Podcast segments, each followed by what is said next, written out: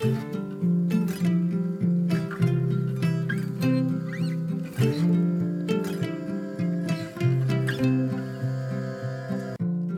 och välkommen till For Health med Anna Sparre! Idag blir det intervju med Sanna Törslef Berglund om mikrobiomets fantastiska värld.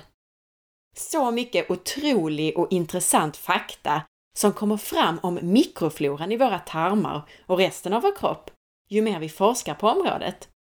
Idag får du lära dig hur mikrobiomet fungerar på olika sätt och hur det kommer sig att det påverkar allt från immunförsvaret till hjärnan och generna. För att inte tala om hur det påverkar dina fettceller. Vill du ta del av den senaste forskningen om våra livsviktiga bakterier och mikrobiomet? Lär dig vad dina bakterier har för betydelse, vad de har för koppling till övervikt och hur du optimerar mikrofloran. Sanna som vi pratar med i dagens avsnitt föreläser under oktober månad på flera orter runt om i Sverige. Det blir föreläsningar om mikrobiomet i Stockholm, Luleå, Göteborg, Lund och Linköping. För att läsa mer och för att anmäla dig, gå till alfaplus.se utbildningar. Eller klicka på bannern som du hittar till höger på sidan på forhealth.se.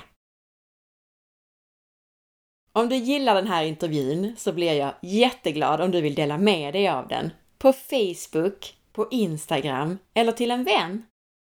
Och gå in i iTunes och lämna ett betyg på podden. Det gör det lättare för mig att få hit intressanta intervjupersoner. Tack på förhand! Glöm inte heller att boka mig som föreläsare till ditt event. Jag föreläser både för företag, föreningar och för privata grupper. Och om du är nyfiken efter avsnittet så hittar du mer information på forhealth.se. Veckans recension i iTunes är från Sagtegen som skriver Podd i toppklass! Så bra och intressanta ämnen med massa nödvändig fakta. Tack snälla för detta! Sanna Törslef Berglund är näringsterapeut, psykolog och forskare som arbetar med funktionsmedicin som grund. Idag arbetar hon bland annat med att utbilda andra terapeuter och bedriver forskning kring funktionsmedicinsk behandling av sköldkörtelbesvär. Sanna ska alldeles strax få berätta mer om sig själv. Ljudet på Sannas kanal är lite svängigt under avsnittet men det är så oerhört intressant information i det här avsnittet så du får bara inte missa att lyssna på det. Vi arbetade jättelänge med att få en bättre linje, så vi har fixat till det så bra det bara går för dig. Och alternativet var att inte publicera något avsnitt alls denna vecka. Men det var alldeles för bra för att låta bli att publicera det. Det här är definitivt ett av mina favoritavsnitt med en massa förklaringar kring hur bakterier och annat i våra kroppar styr hur vi agerar, hur vi mår och om vi blir sjuka eller friska. Så du får själv avgöra om du vill lyssna eller inte, men det är en väl investerad timme att lyssna på det. Med det sagt, häng med oss nu och lyssna på allt häftigt som tarmfloran och mikrobiomet gör för oss.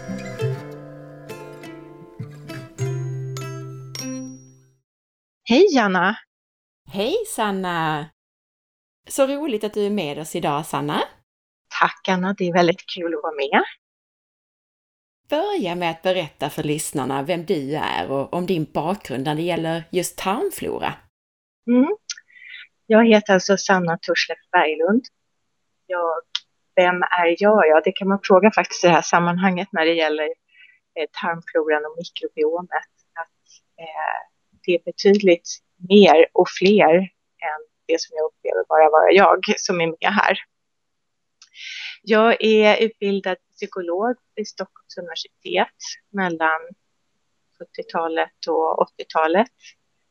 Utbildningen var uppdelad på den tiden, så det var lite längre tid. Jag fick barn under den tiden. Eh, sen jobbade jag bara ett kort tag inom just den branschen. Jag var inne i helt andra affärsområden under 20 år. Och mot slutet, det var väl ungefär kring millennieskiftet ungefär, så fick min mamma cancer. det var där min resa började. Jag försökte då hitta stöd för henne på, genom att googla på nätet. Och eh, då hittade jag just en hemsida som heter Forbidden Medicine. Det var faktiskt den enda hoppingivande sidan som jag kunde hitta. När jag hade liksom bläddrat i statistiken där på överlevnad på liksom, eh, sjukvårdssidorna. Eh, så jag åkte in i olika forskningsrapporter, framförallt eh, Johanna Botvik, eh, Mary Enig var stora då på just linfröolja. Och eh, det var faktiskt då som det här med eh, omega-3-fettsyrorna började uppstå, deras betydelse och hela kolesterolmyten och fetternas liksom både kvalitet och tipping point precis i det där skedet. Eh, min mamma hon klarade sig med operation och samt ett högintag av linfröolja, kolostrum och en massa kärlek. Mm. Hon var stark nog för att resa till Thailand faktiskt efter tre månader. Hon lever frisk ännu idag. Men eh, det jag gjorde, jag, jag började leta efter ett kvitto liksom på den här kunskapen som jag hade sökt mig till på nätet då. Och eh, jag kände att jag behövde någon legitimitet för att kunna prata om de här sakerna. Och jag var väldigt orolig då faktiskt, för att jag hittade härdade fetter precis överallt eh, i kost som jag hade givit mig själv och barnen. Och, ja, det blev lite hysteriskt från början, men sen till slut så hittade jag eh, Nordisk närings och fysioterapiskola, hette den på den tiden. Och det var ju rena himmelriket. Det här var 2004, 2005. Där mötte jag ju liksom andra som var lika passionerat intresserade i det här området som jag själv. Då, det var ju där jag då kom i kontakt med det här med tarmfloran. Eh, eftersom eh, det är ju allmänt känt att alla sjukdomar startar i magen.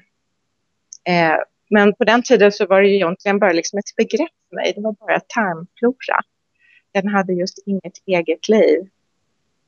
Men den kom till liv med buller och bång då jag fick i uppdrag av Alpha Plus att sätta mig in i det här mikrobiomet. Jag satte också ihop en kurs. Så det var så det har i min resa.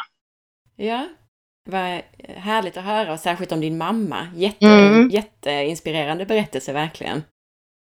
Och du brukar ju använda dig av ordet mikrobiom. Vad betyder det egentligen? Ja, mikrobiom, det, är, det består egentligen av massor med eh, gener. Cirka 4,4 har jag för mig att det var miljarder eh, gener som tillhör cirka 100 miljarder mikrober. Och det är det som kallas för mikrobiota. Det är alltså generna som man talar om eh, då man säger mikrobiomet. Och mikrobiomet det består egentligen utav bakterier. Allihopa har då bara en cell. Och dessutom så finns det då virus, svamp och någonting som heter arkea, eller ar, arkaia. inte riktigt hur man uttalar det där. Men virus är i alla fall, de, det är sådana här jättesmå, eh, de är, de är så små som man knappt kan kalla dem för liv, men ändå. Eh, och de flesta är gästsvampar. De är lite mer komplexa än bakterier.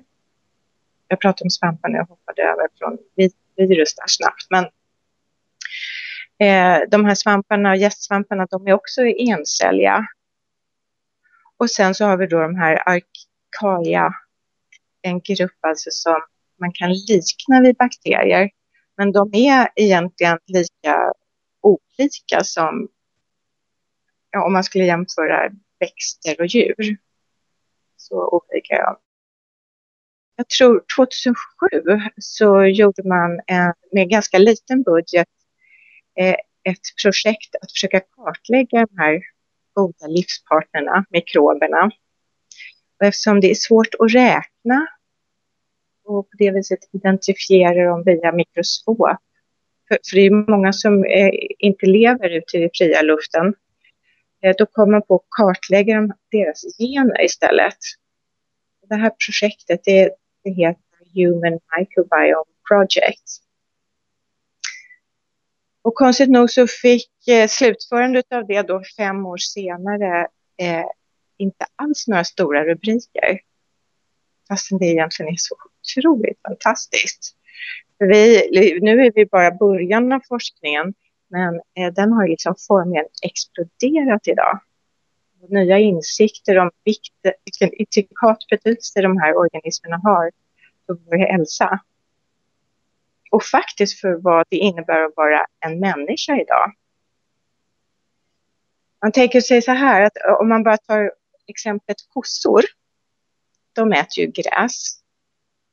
Men så att säga, med deras egen genuppsättning så skulle de inte kunna utvinna några särskilda näringsämnen ur den här fiberrika dieten, utan de, det behövs särskilda proteiner då som kan bryta ner molekylerna till de vi kallar för enzym.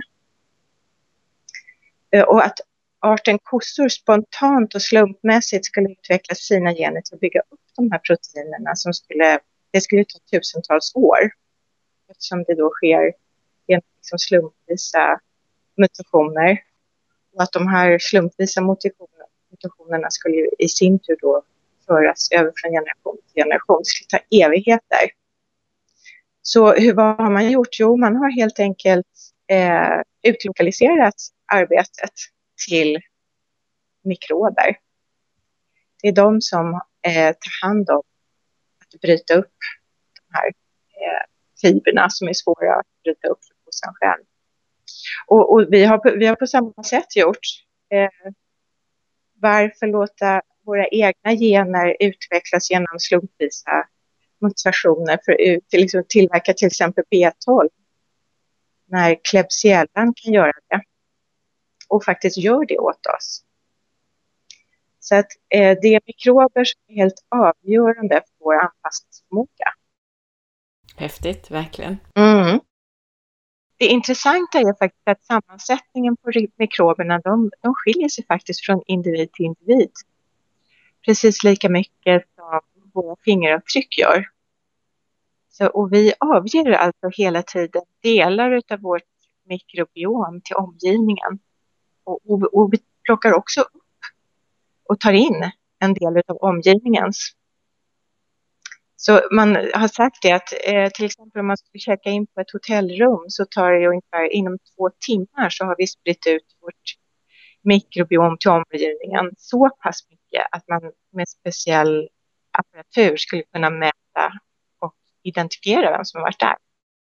Eh, och man tror alltså att det här kan bli en del i den här som kallas för biometrisk eh, identifiering. Det kommer att bli en del av det. Och sen så är det så också att mikroberna har ju allihopa specifika egenskaper och uppgifter. Och de skiljer sig alltså helt i sammansättning från ett ställe till annat på vår kropp och i vår kropp. Och vi skulle inte vilja ha fotmikrobiomet i ansiktet till exempel. Och inte hudmikrobiomet i tarmen. För att eh, de har så specifika uppgifter. Och varje, varje mikrobiom ska vara så att säga på sin plats. Annars blir det tokigt. Det här med att vi sprider vårt mikrobiom, kan det vara en anledning till att det finns forskning som till exempel visar att eh, om man eh, umgås med överviktiga människor så blir man själv överviktig? Det är en del i det. Mm. Ja, det är en del i det. Sen finns det mycket annat också naturligtvis, men en bidragande faktor. Det är jätteintressant. Och man vet också till exempel att eh, man delar ju sitt mikrobiom så småningom med sin partner. Och eh, man delar också sina husdjur. Man, vet. man får lite hundmikrobiom också om man nu har en älskling. Du berättade ju lite grann om, om mikrobiomets uppgift, eller egentligen mikroflorans uppgift med det här med att utvinna B12 till exempel. Mm. Men i övrigt då, vad har mikrobiomet för uppgift i våra kroppar? Oj, alltså de har jättestor betydelse. Det är en del av vårt immunförsvar, kan jag säga, eller samarbete med vårt immunförsvar. Eh, det är en jättestor uppgift som vi kan prata om lite mer sen. Men eh, de har också till uppgift att smälta, hjälpa oss att smälta maten och utvinna näringsämnen ur den. Eh, de håller vår tarm i gott skick. De, eh, det, är, det är mängder med uppgifter som de gör som är helt livsavgörande för oss. Berätta lite om den här kopplingen mellan tarmen och vårt immunförsvar. Som sagt, det, är en jättestor fråga, men om jag får prata lite i längd där så vill jag gärna göra det faktiskt. För mm. det, man, de, flesta känner ju till det här med att det är alla våra sjukdomar börjar i tarmen. Det är ju sånt som myntades evigheter sedan. Och det intressanta är ju att forskningen har sett att det här stämmer verkligen. Eh, vi har ju olika barriärer som skydd mot intrång ifrån vår omgivning. Huden är ju en barriär och liksom alla våra slemhinnor från ögon, mun, näsa, hals, lungor, magsäck, tarm, underliv. Eh, de är liksom allihopa ett sammanhängande system. Och i alla de här barriärerna så finns våra immunceller. De i sin tur kommunicerar med andra delar av immunsystemet som cirkulerar i blod och lymfa. Och på det sättet så kan alltså minsta intrång precis var som helst på kroppen upptäckas och sätta igång ett försvarsangrepp. Och när det gäller tarmen så är ju det ett av de ställen som vi möter vår omgivning mest. Insidan av tarmen är ju egentligen en del av utsidan, om man säger. Och för att komma in i vår kropp, då måste man gå igenom tarmväggen. Och eftersom det kommer in liksom massivt med inkräktare med mat och dryck så sitter också ungefär 70 procent av vårt immunsystem i och runt tarmväggen. Vi har en slemhinna. Den är en, en encells tjock eh, hinna som då täcker alla de här eh, insidan på tarmen. Och det här visar sig är ett väldigt aktivt organ. För hela slemhinnan, alltså från mun, genom magsäck, genom tunntarm och tjocktarm, ända ut till ändtarmen och även i urinvägar och underliv. Det är befolkat av mikrober av olika slag.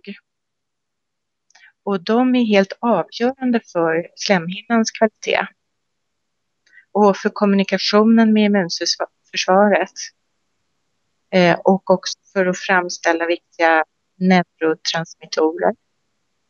Och, och för att påverka både på avslagning utav faktiskt våra gener. Eh, och för framställandet av viktiga näringsämnen som jag sa förut. Och eh, sammansättningen av mikrober, de skiljer sig alltså liksom från millimeter till millimeter igenom hela tarmen, precis som över hela resten av kroppen. Och vissa ställen är tätbefolkade och andra ställen är liksom mer glesbygd. Så att eh, mycket av forskningen nu som har bedrivits på möss som man har gjort helt sterila i tarmen. Det vill säga att de har inga mikrober. Och det man har hittat är att under ledning av eh, bakterier så tillverkar tarmväggen molekyler som livnar mikroberna. Alltså det är maten till mikroberna och som stimulerar dem då att fästa sig i tarmväggen och att föröka sig. Och mikrobiotan den ändrar liksom inte bara kemin i tarmen utan också tarmslemhinnans utseende de här villi, du vet de här små väckningarna av tarmslemhinnan, de växer sig längre under inverkan av mikrobers gener, nämligen bakteroider faktiskt. Eh, vilket gör att den här tarmytan ökar. Det i sin tur ökar vår absorptionsförmåga.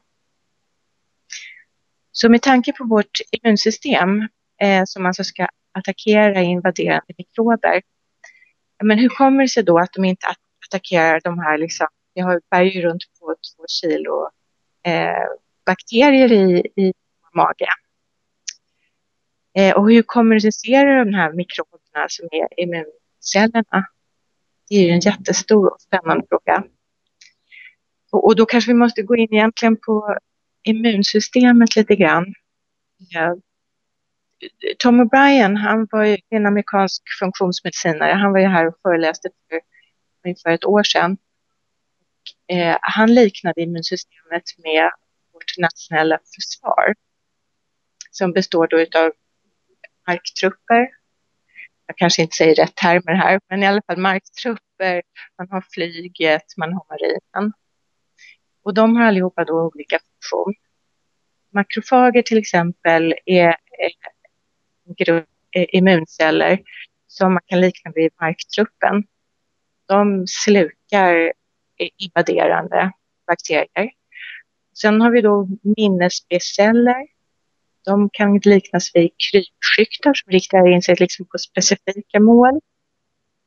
Och sen har vi då en kommunikationscentral som kallas för T-hjälparceller och som också benämns TH1 och TH2. Och de här skickar ut säga, kommandon till de olika delarna av immunförsvaret att gå till attack. Och det som sätter igång attacken det är något som kallas för antigener. Och det är små, små molekyler på, molekyler på ytan av de här bakterierna som har invaderat oss. Och som då identifierar den här bakterien som en fiende.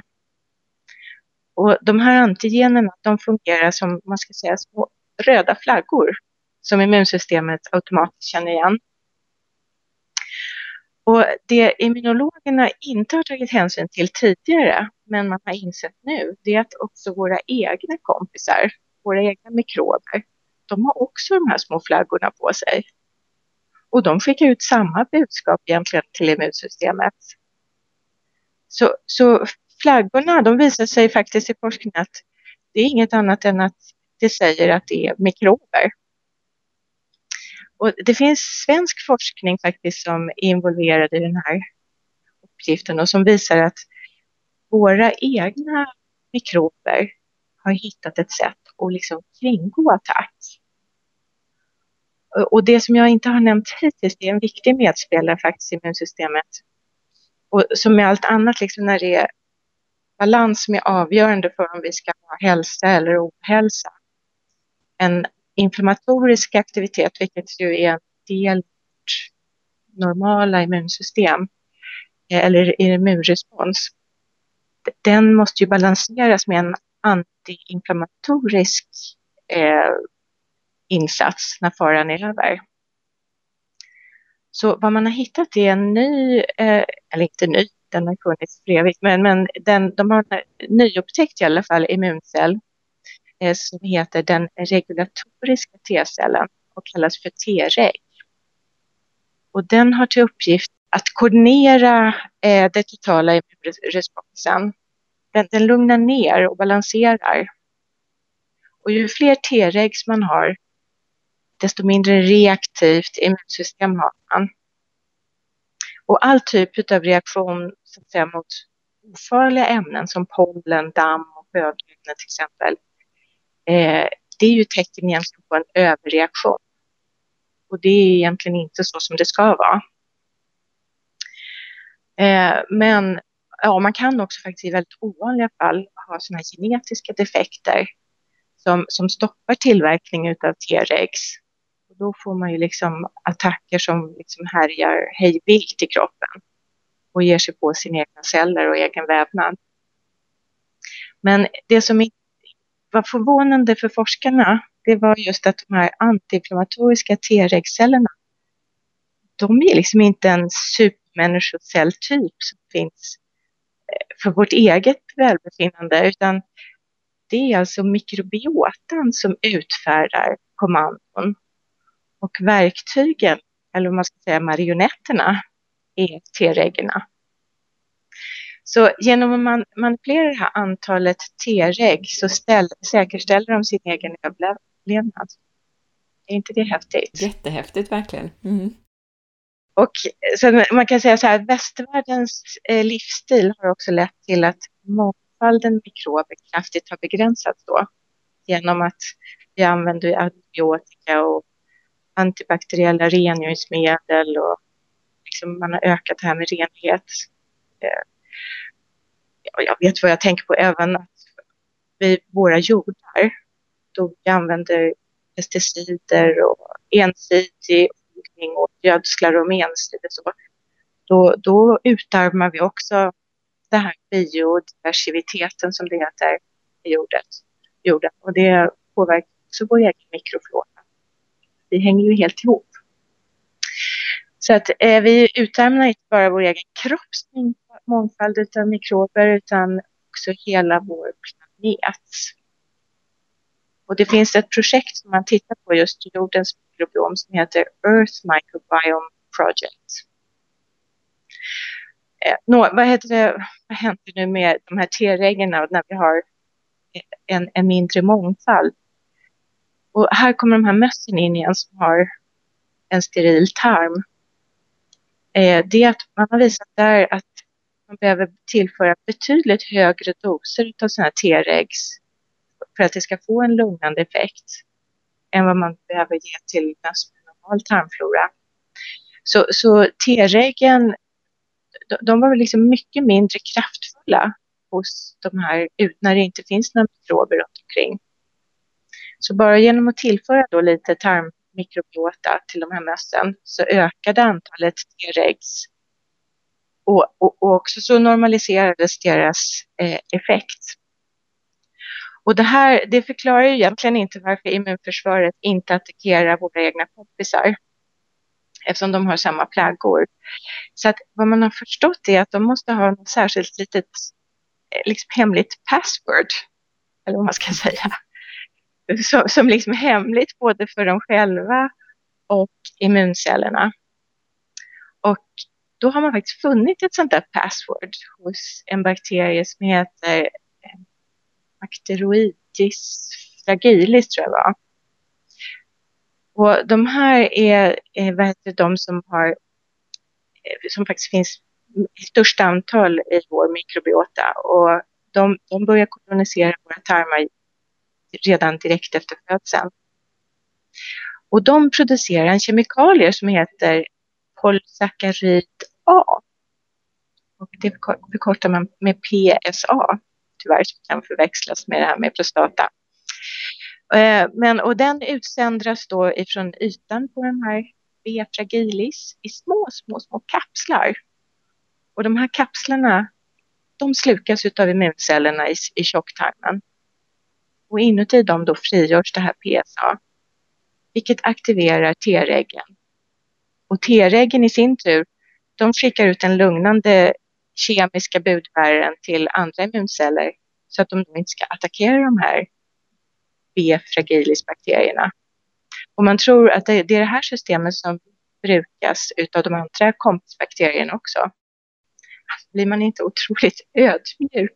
Jo, verkligen. När man kallar den här visheten i systemet. Och, eh, liksom, jag bara känner här, man blir väldigt angelägen att försöka ta hand om de här små viktiga mm. mikroberna. Verkligen. Ja. Och man hör ju också direkt det här när du beskriver det här, att hur viktig då tarmfloran är för att undvika en av våra jättevanliga folksjukdomar, autoimmunitet. Eller hur?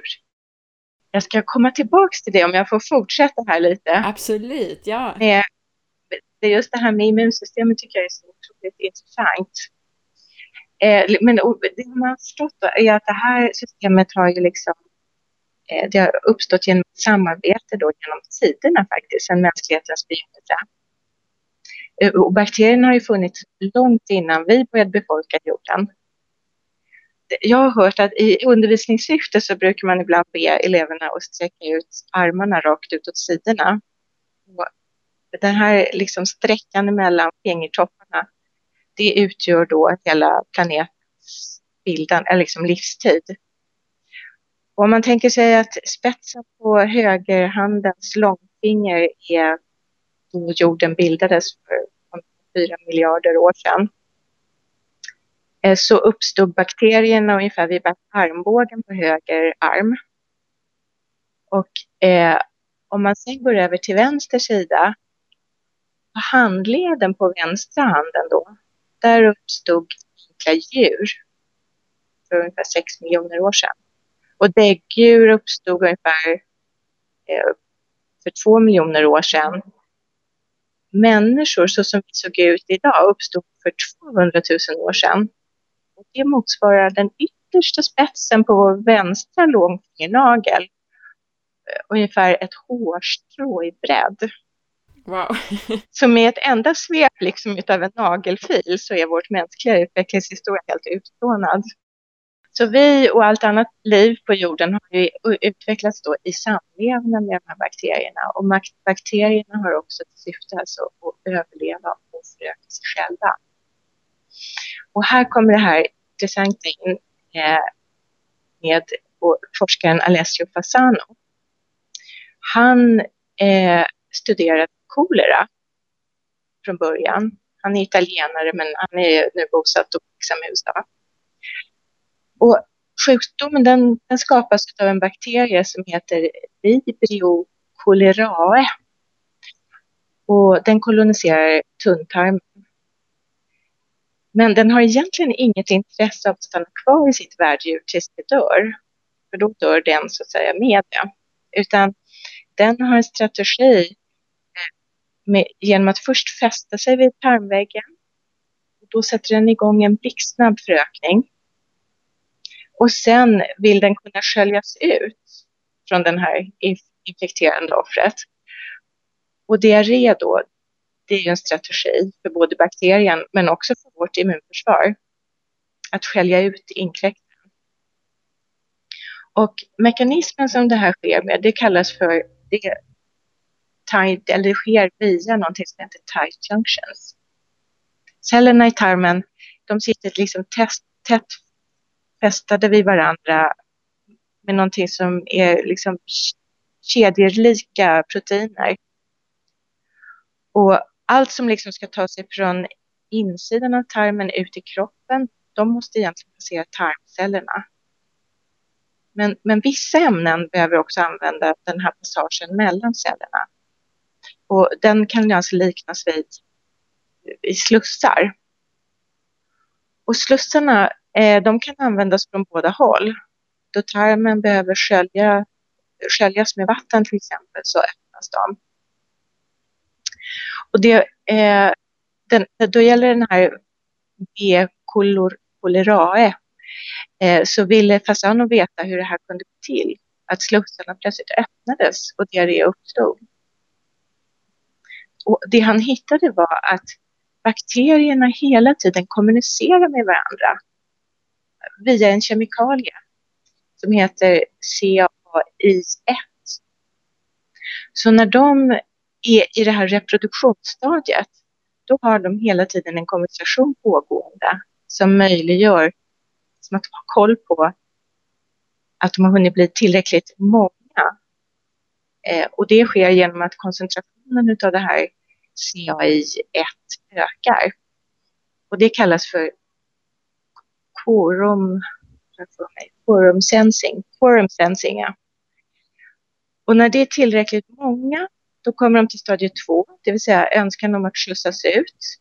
Så då ändras deras genuttryck till, som utsöndrar det där lilla limmet som får dem att fästa sig vid tarmen och till att istället producera ett toxiskt ämne som Fasano döpte, döpte till eh, SOT, det står för, jag kommer inte ihåg vad det stod för, men SOT var det i alla fall. Och SOT visade sig, det var en nyckel som öppnade de här slussarna, de här tight junctions, vilket fick vattnet att forsa in och skölja ut den här V, cholerae. Men Passano han nöjde sig inte med den här insikten utan han undrade vad var det då som gjorde, varför fanns det där låset där överhuvudtaget? Fanns det andra nycklar som kunde öppna den? Och hans forskning då visade att det finns ett humant protein som kallas sonulin Och konstaterade då att i närvaro utav ett hälsosamt mikrobiom, det, det, det här är det som är viktigt då, att mikroberna är med och påverkar i det här. Det är det som gör att tight junctions, kedjorna, cellerna håller tätt ihop. Och när man har fått en obalanserad tarmflora då kan den agera ungefär som den här, en mild variant av den här bakterien, B. cholerae. Och alltså börja irritera immunsystemet. Och då i sitt försök att försvara sig, då utsänder de här immuncellerna sonulin som då öppnar slussarna, vilket leder till att ovälkomna ämnen och mikrober eh, tar sig ut genom den här passagen och in i vårt system. Och det, då, då, är det det här som kallas för knäckande tarm helt enkelt. Just det. Och det är ju det som är gammalt för oss som jobbar inom komplementärmedicin. Men det, vi har ju inte vetat exakt hur det har gått till, men just vi har ju vetat om själva fenomenet. Och nu har han då gått vidare från det här med kolera till celiaki. Och sen ytterligare vidgat området till något som heter NCGS, det vill säga Non-Celiac Gluten Sensitivity. Och han har kunnat då konstatera att tarmen den läcker hos celiakipatienter. Han kunde då se att den släppt igenom glutenprotein in i blodet där det då skapades den här autoimmuna reaktionen. Celiakipatienterna de var ju liksom inte de enda som har läckande tarm och höga såna här sonolinnivåer eh, utan det har man hittat även hos diabetiker de har väldigt höga nivåer. Och man har visat att läckande tarm och de här höga nivåerna av sonolin, de föregår alltså utbrott av tillstånd som typ 1-diabetes med flera veckor. Så när man har liksom kunnat tillföra eh, eller ämnen som blockerar sonolin, då har man också kunnat förhindra utvecklingen av diabetes. Mm. Av autoimmunitet generellt kanske till och med, eller? Precis, det har ju, för, för det här har man tittat på även när det gäller andra autoimmunsjukdomar. Och eh, det visar sig att de allra flesta har den här läckande tarmen, förhöjda eh, sonolinnivåerna. Så att sen, sen kommer vi in också på det här med LPS. Det finns en särskild typ av bakterie, den här gramnegativa bakterier som sätt klär sig i någonting som kallas för, eller förkortas som LPS, det heter lipopolysackarider. Och då kan man tänka sig att eh, de här, här är som en bakteriernas hud och, och den byts ut allt eftersom. Och LPS det är egentligen bara ett sorts ID-kort, det har bara med en identifikation att göra. Eh, det finns ju både gramnegativa och grampositiva bakterier i, som en del i vår mikrobiota och de, de är liksom vare sig bra eller dåliga. Så det handlar egentligen bara om en balans där, men också faktiskt en plats om var de befinner sig. För att om LPS eh, kommer tillbaks eller kommer ut i blodet, då är det dåligt.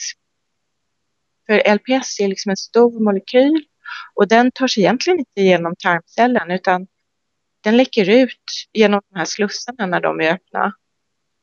Och, och, och liksom på sin väg ut genom slussen så, så stöter de på de här vaktposterna av vårt immunsystem, eh, försvar. Och den, de i sin tur skickar ut meddelandet om nu måste vi gå till attack här, så ut med massa cytokiner, de här ämnena som, som är inflammationsskapande.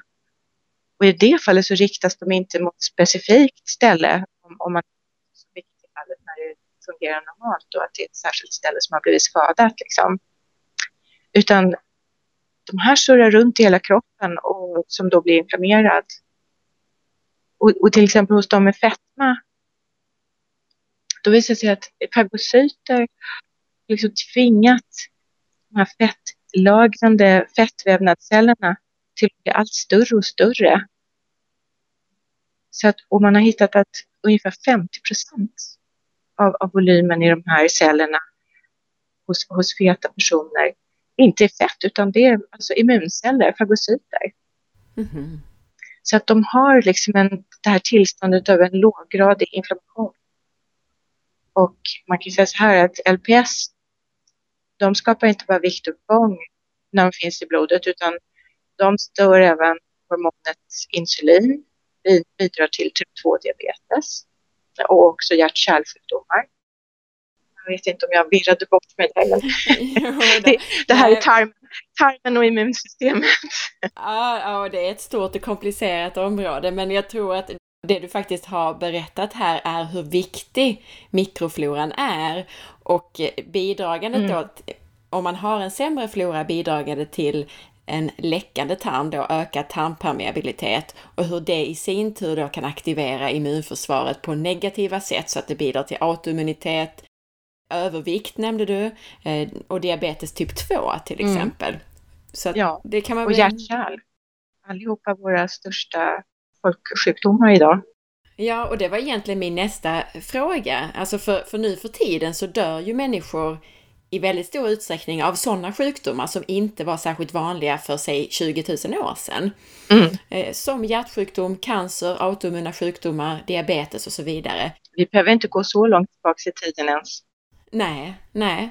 Men, men beror de här sjukdomarna på vår tarmflora, enligt dig?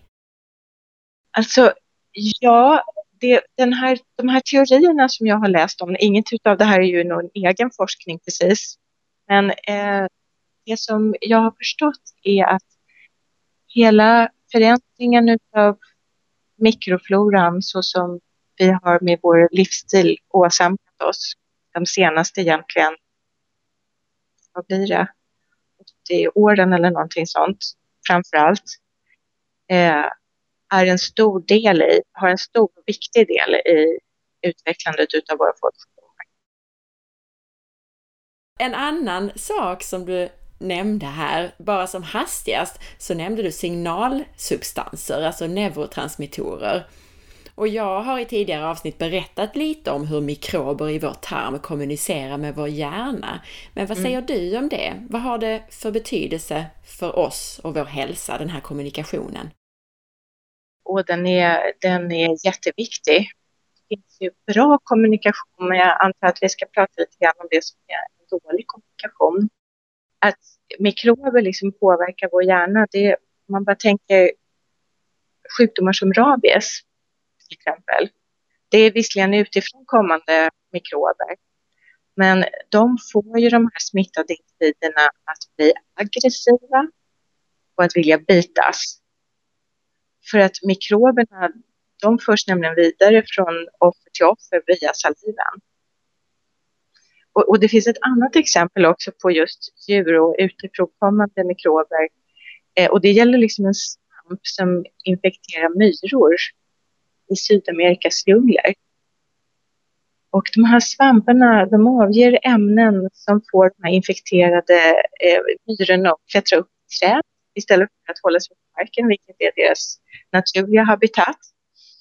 Och att få dem att låsa sina käkar på undersidan av en gren och sen hänger de där och utgör föda åt den här svampen tills de har nått en tillräckligt stor mängd så att de börjar läcka ut och droppa ner på marken för att infektera nästa inte ett ont anande myra. Eh, så att det är liksom exempel på hur de utifrån kommande faktiskt kan styra och det finns många fler exempel än, än det. Men som när man pratar till exempel om ämnen som förhöjda eh, LPS. Då finns de definitivt kopplade till sina mentala sjukdomar. Så personer som lider av depression, autism, schizofreni. Allihopa har man funnit, eller i alla fall de allra flesta, har man hittat det här läckande tarm och kronisk inflammation. Och man har också då hittat eh, faktiskt att traumatiska händelser, det är ganska intressant. Som till exempel förlust av en kär och viktig person eller, eller en separation i tidig ålder från sin mamma eller någonting liknande. Det skapar också läckande tarm.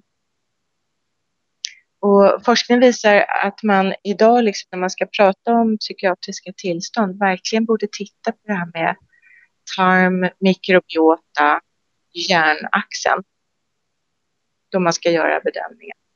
De är så nära sammankopplade. Ja, och det du beskrev nu var väl också det att dels så påverkar mikrobiomet vår hjärna, men också tvärtom. Att ja. om man är utsatt för ett trauma så påverkar vi vår tarm så den blir Precis. mer, släpper igenom mer. Ja. Och jag tänkte även nämna Natasha Campbell McBride. Det är hon som är verksam i England och som har jobbat mycket med just autism. Hon har haft goda framgångar att läka just mentala tillstånd som autism, ADHD, depression, till och med schizofreni. Och hon har utvecklat något som heter GAPS-dieten. Hon har skrivit en jättebra bok som heter eh, The GAPS syndrome, alltså det är gut, gut and psychology syndrome. Och alltihopa hennes eh, bygger på eh, att återställa balans i tarmens mikrobiom. För hon har ju också visat det här med osmälta proteiner, till exempel då från gluten och gluten i vete, alltså, eller i sädesprodukter och kasein i mejeriprodukter. Eh, de kan bilda då särskilda peptider om de inte smälts ner ordentligt. Och Fasano han säger ju att ingen kan smälta ner dem ordentligt, men det är inte alla som lider av det. Men, men de här peptiderna, de, de liknar opiater. Man kallar dem för gluteomorfiner och kas, kasomorfiner. Och de här eh, tar sig upp genom blod-hjärnbarriären och sen så fäster de på särskilda receptorer i hjärnan som då blockerar vissa områden och det leder till förvrängda sinnesintryck. Och, och sen talar hon också om svamp som ju också finns som en del i vår mikrobiota. Men till exempel vid antibiotikakurer så förr i tiden så gav man alltid parallellt svamphämmande medel tillsammans med antibiotika. Men av någon anledning så har man slutat med det. Men i alla fall så lämnas då fältet fritt att för svampar att föröka sig till ohälsosamma nivåer. Och, och de här utsöndrar då toxiska ämnen. Alkohol som omvandlas till acetaldehyd bland annat. Och acetaldehyd, det skadar myelin. Alltså de här cellerna som, som liksom skyddande omsluter våra nervtrådar. Och, och, och, hos vuxna så utvecklas ju det till till multipel skleros, alltså MS. Men hos barn då är det i tidigt skede och får också skadeverkningar. Då. Så att eh, acetaldehyd, det gör ju då också att vissa vitaminer och, och mineraler blir overksamma. Utan för de sätter sig och ockuperar de ställena på proteiner där då vissa vitaminer, till exempel B6, eh, skulle vara en liksom, kofaktor. Och, och, på det viset så blir det en funktionell brist. Och, och intressant nog så kan det här acetaldehydet också fästa vid receptorer för sköldkörtelhormon. Och då, då får man ju resultat hypotyreos med symptom som liksom trötthet och depression. Eh, trots att sköldkörteln kanske producerar hormon på ett annat sätt. Och det ämnet, acetaldehyd, är ju också ett ämne som som bidrar till själva bakfyllan av alkohol. Precis. Så jag gissar att man inte mår helt hundra av att ha förhöjda nivåer av det. Sant. Ja, jättehäftigt verkligen. Mm. Tycker jag och vi, vi borde ju vara fler psykologiskt utbildade eller psykiatriskt utbildade liksom, ta in den här biten kunskap också. Det mm. tycker jag är så, det brinner jag verkligen för. Ja, ja men vad roligt att du med din bakgrund är så kunnig inom det här. Mm. Jag inser ju nämligen att eh, när jag jobbar med klienter själv så är det ju minst en tredjedel av alla som går på antidepressiva. Ja. Det är helt otroligt många. Ja. Det, är liksom, det har blivit nästan, det toppar listan på sålda läkemedel. Mm. Och inte kommer man så långt med den behandlingen heller ofta. Nej, nej. Och, och tänk om det hos många av de här faktiskt handlar om, om tarmen och, och mikrobiomet. Ja, precis. Ja, för man tänker så här att eh, hur kommer det sig liksom att de här åkommorna har ökat så hiskligt? Autoimmunitet, eller ja, autismen har liksom blivit otroligt vanlig. Och diabetes, det, det är typ 1, det drabbar ju liksom 1 till 2 barn vad jag vet per 5 000 barn Eh, runt andra världskriget. Och idag har det ju ökat till 1 på 250 barn. Jag vet inte om det är generellt, men jag, jag vet i alla fall att så är det i, i de nordligare områdena. Så att, eh, det, det, är någonting väldigt viktigt som har hänt. Någon, någon väldigt viktig rubbning. Och den tror jag till stort faktiskt man kan härleda till vårt rubbade mikrobiom.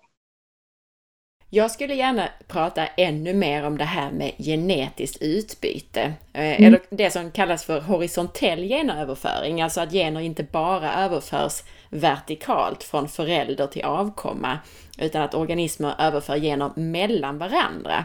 Mm. Och jag vet att mikrober kan överföra gener mellan varandra och du har nämnt det här i början av vår intervju. Men jag tror att du har mycket, mycket mer kunskap än vad jag har om det här med genetiskt utbyte. Så vill du berätta lite mer om det här spännande ämnet? Jag kan inte säga att jag har så här jättemycket eh, kunskap om det, men eh, det lilla jag har läst, eh, det är att man, det här, det finns tre vägar som mikrobiomet kan påverka oss.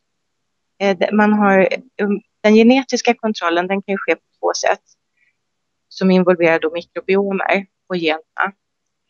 Eh, det är genbyten, som kallas för gene swaps och handlar om geners placering. Och sen också då vem som äger dem och var de kommer ifrån, vart de tog vägen efter utbytet. Så geners strömbrytare, eh, det har att göra med deras användning, om genen är på eller avslagen. Och de här, det finns alltså de här två sätten som mikroberna använder för att påverka oss.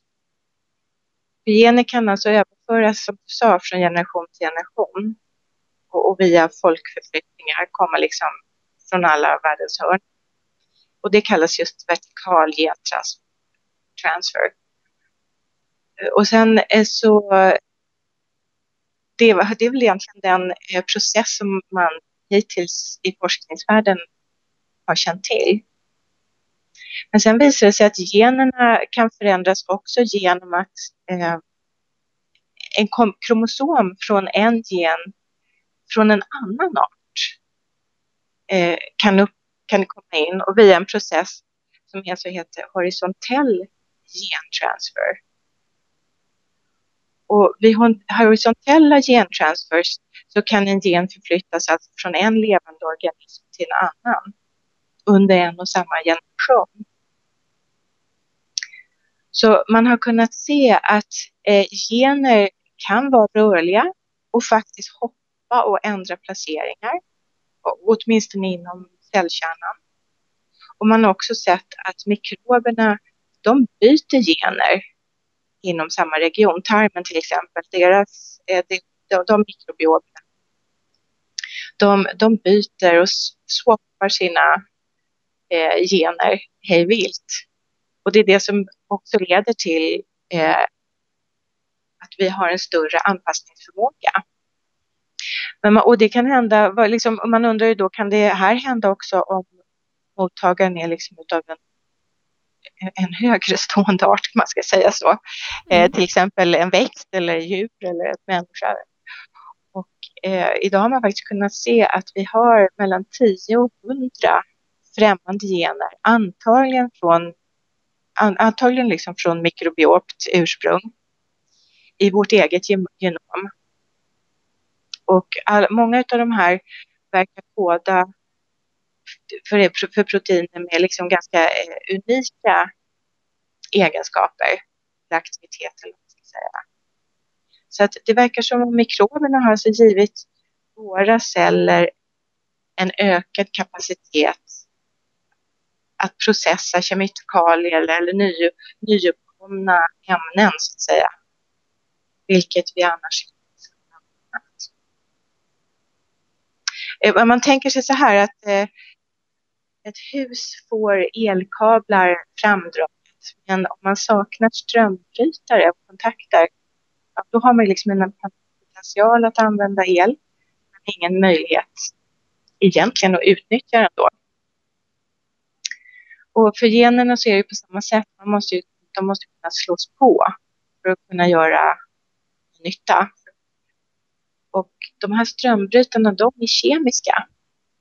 Det finns många olika kemiska strömbrytare. Och eh, det här är någonting som man ännu, ännu så länge inte har liksom full koll på. Eh, men att komplexa, vad ska jag säga, komplexa biologiska funktioner, de är alltså till viss del under ett sånt här genutbyte, det man kallar för epigenetisk kontroll. Och eh, de inkluderar faktiskt så viktiga funktioner som både skapande och upprätthållande utav minne, effektiviteten hos immunresponsen, eh, nivå på specifika hormoner i kroppen och, och, och responsen på de här hormonerna. Och allt det här påverkas alltså av vårt mikrobiom? Ja. Så det är ju helt ny forskning och helt ny, en helt ny värld som jag säger faktiskt. Så om vi nu ska då eh, innan vi avslutar ge lyssnarna lite konkreta råd för hur de kan förbättra allt det här. Alltså hur gör man för att optimera mikroberna i tarmen eller andra delar av kroppen? Ja, eh, det är en stor fråga, men det handlar ju om livsstilsfaktorer eh, kan man säga. Till exempel kosten är jätteviktig. Eh, till exempel vill man ha fler sådana här Akkermansia-bakterier. Talade jag om det? Det är de som påverkar slemhinnan eh, att bli tjock och heter, stark. Då, då, ska man inte äta för mycket fettrik mat till exempel. För överskott eh, av fett i maten, det hämmar faktiskt tillgången till de här akmansia. Mm. Men om man istället då tillför fiber, då ökar antalet. Och så, och så är det med en mängd, eh, eller massor av de andra arterna. De, fiber är otroligt viktigt. Eh, så att en växtbaserad kost. Vi vet att stress påverkar sömn och sömnkvalitet påverkar mikrobiomets Fysisk aktivitet. Eh, och sen så är det ju också så att vi ska försöka vi ska liksom inte ha för mycket kemikalier i vår närhet heller och inte så mycket antibakteriella ämnen. Rengöringsmedel och vad vet jag, krämer och hela vår skönhetsprodukter, sånt där kanske man ska se över. Det, det är väl det man kan säga. En annan sak som du nämnde innan var ju antibiotika. Hur, hur gör man efter en antibiotikabehandling? Alltså om man nu måste ta antibiotika vid något mm. tillfälle mm. till exempel. Antibiotika, inget, inget ont om antibiotikan i, när det används på ett klokt sätt. Det vill säga att man inte sätter in det till exempel vid virusinfektioner eller, eller vid, vid tillstånd som kan läka ut sig själv så att säga. Men eh, det finns faktiskt en jag har läst i alla fall mycket debatt om det här med probiotika. Det egentligen är den viktigaste faktorn. Det är en, ännu viktigare med just den här prebiotikan. Alltså att är en fiberrik, växtbaserad, ekologisk eh, kosthållning. Man tänker att livsmedelsindustrin de tillför ju ganska mycket saker för att just eliminera bakterier. Allt vad det innebär sen. Och sen eh, att komma i kontakt med jorden och jord på olika sätt. Det är till för bakterier. Det råder debatt om eh, det här med mjölksyrade grönsaker som surkål och annat. Vissa hävdar att det är alldeles för experimentellt egentligen. Man vet inte vad man får i sig för bakterier. Men i min mening, om, det sker på ett sätt som liksom traditionellt har använts genom generationer, då anser jag att det har ett värde. Och de, det är en god källa till mikrober. Och ut, ut ska säga, tiden det tar, det är ju naturligtvis ganska individuellt och det beror ju på hur pass lång kur man har genomgått och också hur många kurer man, hur många kurer man har genomgått. Jag, har ju sett att eh, i litteraturen att balansen efter en enstaka antibiotikabehandling det kan återställas ganska så fort, två, tre veckor. Men, men längre behandlingar och flera behandlingar på varandra eller genom åren, det kan kräva många månader och vissa hävdar att det någonsin kan bli, att det kanske inte någonsin kan bli som det var innan faktiskt. Men ditt tips är då att om man nu behöver en enstaka antibiotikakur så är det viktigaste att man äter den här växtbaserade kosten som ger maten och fibrerna till bakterierna helt ja. enkelt. Sen, sen är probiotika, sen har jag ju sett att probiotikatillskott också gör gott.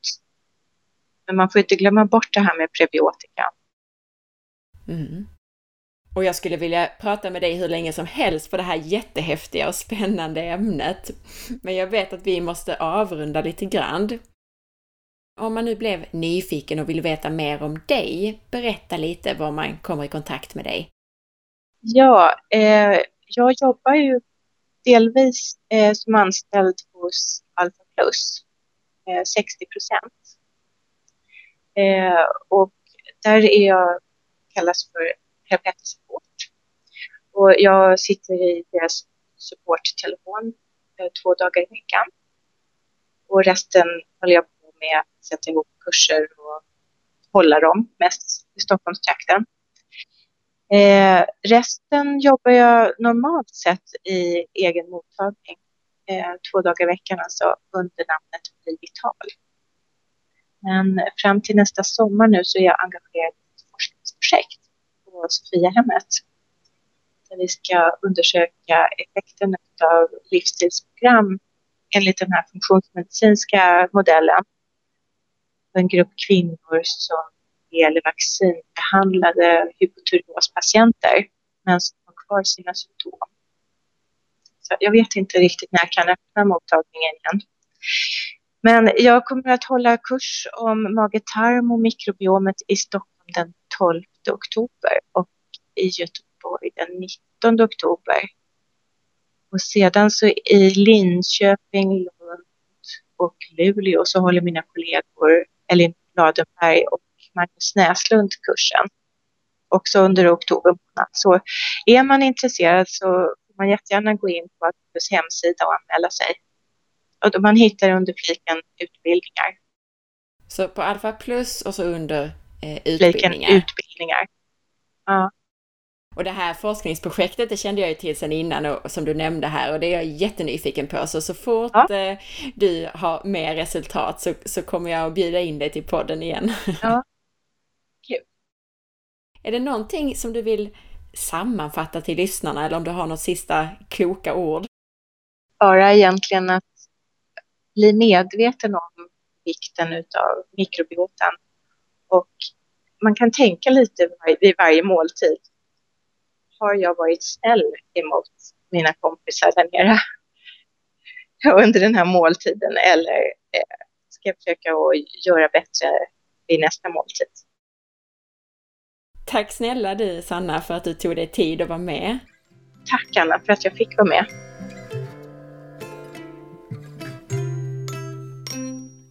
Tack för att du lyssnade. Jag hoppas att du gillade intervjun. Och om du gillar podcasten så glöm nu inte att dela med dig. Missa inte heller att följa med på facebook.com forhealth.se och på Instagram via signaturen A. Sparre. På Facebook kan du också gå in och dela inlägget om det här podcastavsnittet om du gillade det.